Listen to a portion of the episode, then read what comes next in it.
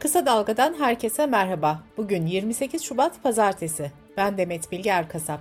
Gündemin öne çıkan gelişmelerinden derleyerek hazırladığımız Kısa Dalga Bülten başlıyor.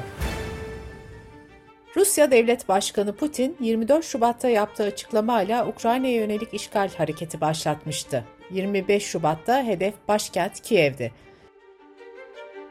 Ukrayna Devlet Başkanı Zelenski halkını Rus işgaline karşı direnmeye çağırdı. Geçtiğimiz dört günde masaya oturma, müzakere lafları dillendirilse de somut bir gelişme olmamıştı. Hatta Putin Ukrayna ordusuna gücü ele alın çağrısı yapmıştı.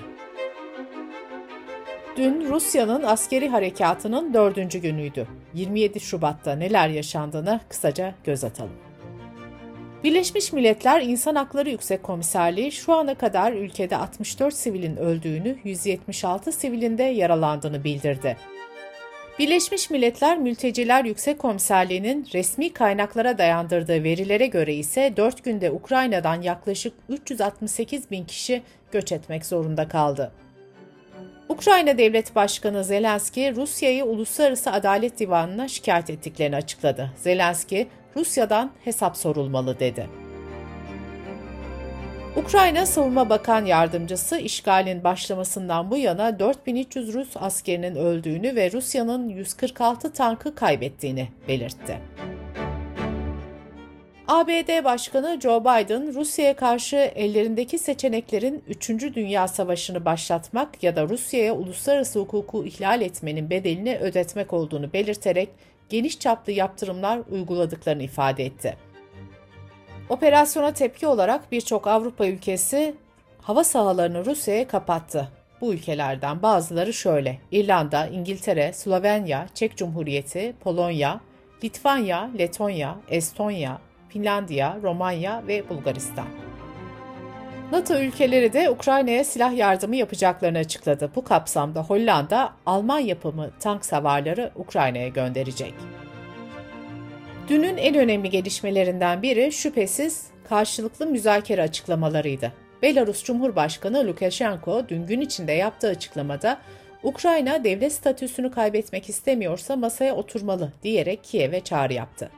Bir süre sonra da Kremlin'den heyetimiz Belarus'ta Ukraynalıları bekliyor açıklaması geldi. Ukrayna Devlet Başkanı Zelenski bu açıklamaya şu yanıtı verdi. Rusya, Ukrayna'ya Belarus topraklarından saldırmamış olsaydı Minsk'te görüşmeler mümkün olabilirdi. Rusya'ya müzakereler için Varşova, İstanbul, Bakü'yü öneriyoruz.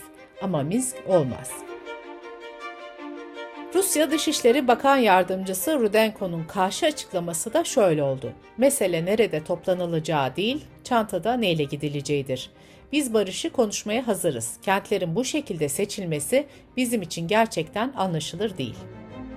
Karşılıklı bu açıklamaların ardından Zelenski'nin ofisi Rusya ile müzakereleri teyit etti. Açıklamada Rusya ile müzakereler Belarus-Ukrayna sınırında yapılacak. Heyetler ön koşulsuz buluşacak denildi.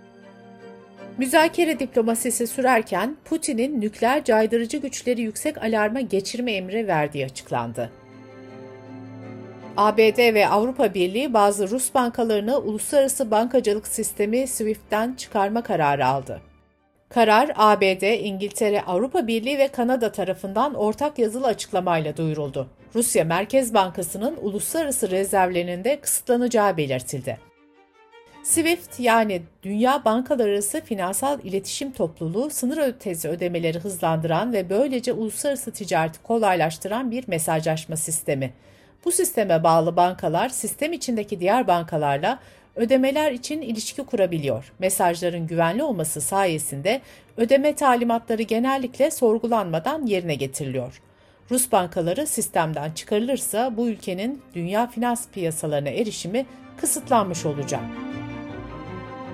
Devletlerin yanı sıra dev şirketlerden de Rusya'ya yönelik yaptırım açıklamaları geldi. Facebook'un ana şirketi Meta, Rusya devlet medyasına platformda çeşitli yasaklamalar getirirken YouTube birden fazla Rus kanalının video hizmetinde gelir elde etmesini engelledi. Google'da devlet tarafından finanse edilen Rus medyasının kendi platformu üzerinden para kazanmasını askıya aldı. Almanya'nın başkenti Berlin'de savaş karşıtı eyleme 100 binden fazla kişi katıldı. Ukrayna halkıyla dayanışma içinde olduklarının mesajını veren göstericiler Ukrayna'dan çık, Putin terapiye git, Ukrayna'yı ve dünyayı rahat bırak yazılı pankartlar taşıdı. Cumhurbaşkanlığı Sözcüsü İbrahim Kalın ve İletişim Başkanı Fahrettin Altun dün yaptıkları açıklamalarda Rusya'nın Ukrayna'daki askeri harekatını savaş olarak niteledi. Kalın, Rusya'ya saldırıları durdurma çağrısı yaptı. Reuters haber ajansı Ankara'nın Rusya'nın saldırılarının kabul edilemez olduğunu söylese de bugüne kadar savaş ifadesini kullanmadığına dikkat çekti. Reuters, savaş ifadesinin boğazların Rus savaş gemilerine kapatılmasının önünü açabilecek bir söylem değişikliği olduğunu yazdı. Dışişleri Bakanı Mevlüt Çavuşoğlu da dün CNN Türk yayınında yaptığı açıklamada artık bu çatışma bir savaşa dönüştü. Bu durumda taraflardan biri Rusya ya da Ukrayna için Montreux'u uygularız dedi. Montreux Boğazlar Sözleşmesi'nin 19. maddesi Türkiye'ye savaş olarak nitelediği durumlarda boğazları savaş gemilerine kapatma hakkını tanıyor. Bu maddenin işletilmesi halinde sadece Karadeniz filosuna bağlı olup üstlerine dönüş yapan gemilere izin verilebiliyor. Rusya'nın işgal hareketinden sonra Ukrayna resmi talepte bulunarak Türkiye'den boğazları kapatmasını istemişti. Türkiye gündemindeki gelişmelere bakalım. Altı Muhalefet Partisi'nin mutabakata vardığı güçlendirilmiş parlamenter sistem ortak metninde imzalar bugün törenle atılacak. Tören Bilkent Otel'de saat 13.30'da düzenlenecek. İmza törenine aralarında dernek, vakıf ve meslek örgütlerinin de bulunduğu 250'ye yakın sivil toplum kuruluşunun temsilcisinin davet edildiği öğrenildi.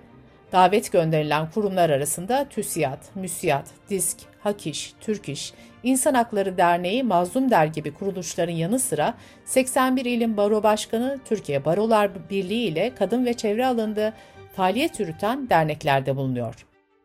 Altı Muhalefet Partisi seçim sonrası parlamenter sisteme dönüşün yol haritasını belirlemek üzere 2021 yılının Ekim ayında meclis çatısı altında çalışmalara başlamıştı.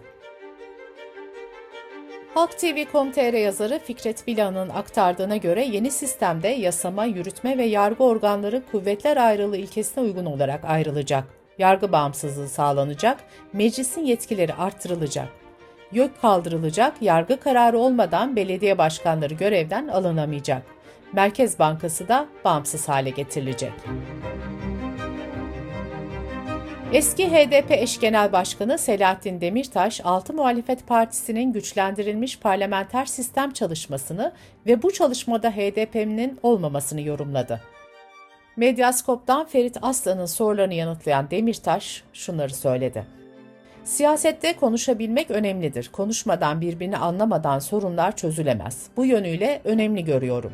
HDP zaten davet beklemediğini, üçüncü ittifak için çalıştığını açıkladı. HDP eş genel başkanları da diyaloğa kapalı olmadıklarını ifade ediyor.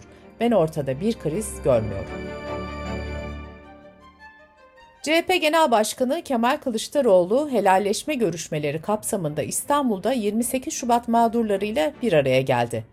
Kılıçdaroğlu buluşmada özetle şöyle dedi. Helalleşme çıkışı yaparken söylemiştim. Bize sadece iktidar olmak yetmiyor. Bu yaşımdan sonra neyleyim ben sarayları, uçakları. Herhangi bir beklentim de yok. Türkiye'ye miras bırakmak istiyorum.